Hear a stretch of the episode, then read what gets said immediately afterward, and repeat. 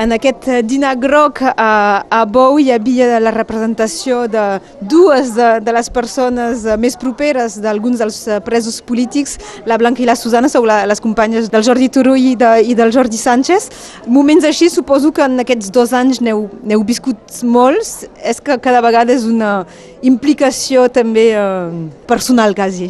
Eh, sí, n'hem viscut uns quants, no? I cada moment és igualment emocionant que, que l'anterior, no? Perquè eh, vius doncs, la col·laboració, l'ajut de moltíssimes persones que per denunciar aquesta situació tan injusta que estem vivint doncs, eh, creen aquests espais de solidaritat, no? que són els dinars grocs, sopars grocs i moltíssimes coses que es fan arreu del nostre país i davallant, passant ja les fronteres també com avui. Continuant amb el que dèiem la Susana, de més per nosaltres és important perquè van passant el temps, en el cas del Jordi ja fa més de dos anys, i veiem que la gent no afluixa, no?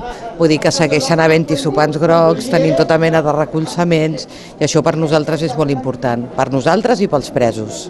Els hi en parleu, comuniqueu, eh, com, com es passa per vosaltres? Sí, sí, els hi, els hi expliquem, no? cada vegada que anem. Quan ells estaven a Madrid era més difícil explicar-los perquè tu els hi podies explicar verbalment, però ells no ho vivien de cap de les maneres. Des de que es fan actes també a les presons on estan tots els presos, doncs realment capsen, capten més la, la magnitud de la situació no? i ells ho recolzen sempre i els ajuda a continuar. I noteu que per la gent també és important? Sí, jo trobo que sí, perquè fins i tot a vegades ho vas pel carrer, no? I la gent moltes vegades nosaltres, o sigui, som nosaltres que de vegades hem, no, no voldria dir consolar, no? Però sí que ajudar la gent perquè la gent et veu, et plora, que què podem fer i nosaltres sempre els expliquem que ja la gent està fent moltes coses. El que passa que cadascú de nosaltres en aquesta història tenim un paper i nosaltres potser ens ha tocat la més dura, que és tenir les parelles, els pares, els fills a presó, però bueno, aquí tothom té un paper i mentre tots seguim fent el nostre paper, doncs això pot tirar endavant. La sentència va ser un, un altre, anava a dir cop dur, però no sé, perquè finalment només hi ha cops durs i al final és com posar una, una data, encara que sigui lluny i fictícia, no?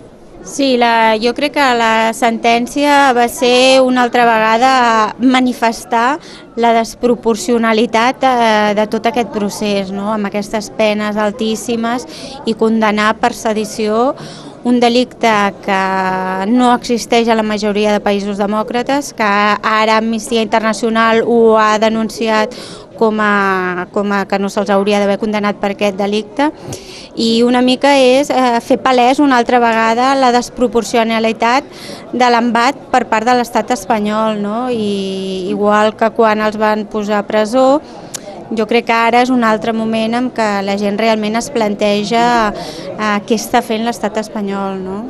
En algun moment heu, us heu penedit de no haver triat la solució de, de l'exili, parlo més a, a la Blanca perquè el, el Jordi Cuixart i Jordi Sánchez van ser els primers a ser posats en presó, tot i que potser es podia captar, però el, els altres, els de després, se sabia que hi havia aquest risc important.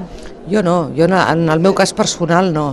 Vull dir, a més, el tema de l'exili no el vam arribar a comentar mai a casa. Vull dir que el Jordi tenia claríssim que no volia marxar de Catalunya, perquè ell no havia fet res dolent. És veritat que després, com ha anat tot el judici i tot, però així tot està convençudíssim. Té els seus pares grans, ell sabia que si marxava segurament no els tornaria a veure.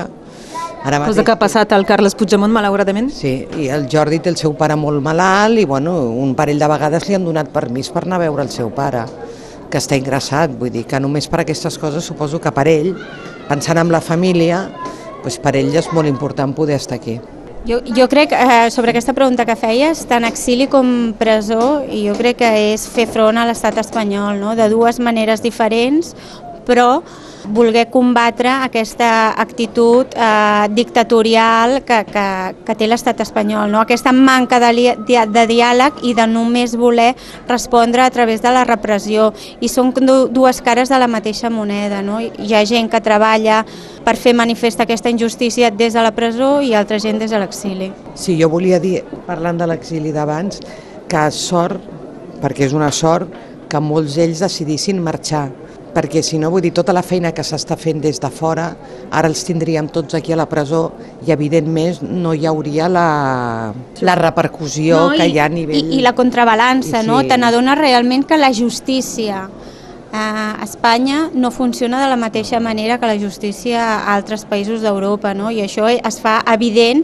amb les diferents vies que estan agafant a, a, els casos tant aquí com allà. Per això Sí, sí, també la, la- la La separació necessitat. de poders.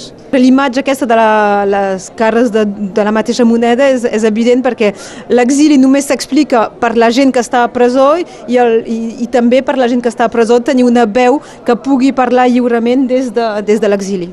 Aquesta pregunta que la gent us fa, què us podem fer, què podem fer per ajudar-vos, què, què els hi responeu i què, què tindríeu ganes de, la, de dir a aquesta gent que, que voldria ajudar? És que les cartes suposo que en reben moltíssimes, és que realment els hi agrada aquest escalf, és que... És que la gent ja està ajudant, ja fa molts mesos que està ajudant. Passa que la gent es pensen que només amb les cartes o més amb els sopats grocs, doncs que fan poca cosa, però és el que comentàvem abans, aquí cadascú té el seu paper. I per ells, per exemple, el tema de les cartes, sobretot quan estaven a Madrid, el Jordi sempre en comenta que sort de les cartes quan estaven a Estremera. Diu, perquè allà tot el sistema penitenciari ni, ni, ni re, bueno, reinserció, amb ells no és el cas que els hi faci falta, però poder-se apuntar cursos com pots fer aquí, allà no hi era tot això. Vull dir que la quantitat d'hores mortes que tenien, doncs gràcies a les cartes van poder passar tots aquells mesos que van estar a la presó d'Estremera. Vull dir, jo, a la gent jo només li tinc agraïment per tot el que estan fent i cadascú fa el que pot fins on arriba. La gent jove té un perfil, la gent gran té un altre, la gent com nosaltres un altre i entre, i entre tots anem fent. Jo crec que seguir, el que cal és seguir i amb una convicció de que s'està fent alguna impo cosa important perquè estem intentant fer un tom d'una situació que és molt complexa, estem intentant tombar a un estat perquè nosaltres creiem que s'està aplicant una democràcia que no és tal i volem aconseguir una república, una situació millor pels nostres països. Això és difícil de fer i cadascú ha de fer el que pugui amb el seu granet d'arena eh, per, per teixir aquestes complicitats i poder fer aquest camí, que no és difícil, però si realment volem una democràcia consolidada i com que nosaltres creiem amb el respecte fonamental als drets humans, eh, cal que tothom treballi amb la mateixa línia. Moltes gràcies a, vosaltres dues i fins aviat amb, amb tothom. Gràcies. Esperem que sigui aviat i que siguin ells que vinguin a, a fer aquest dinar. Merci.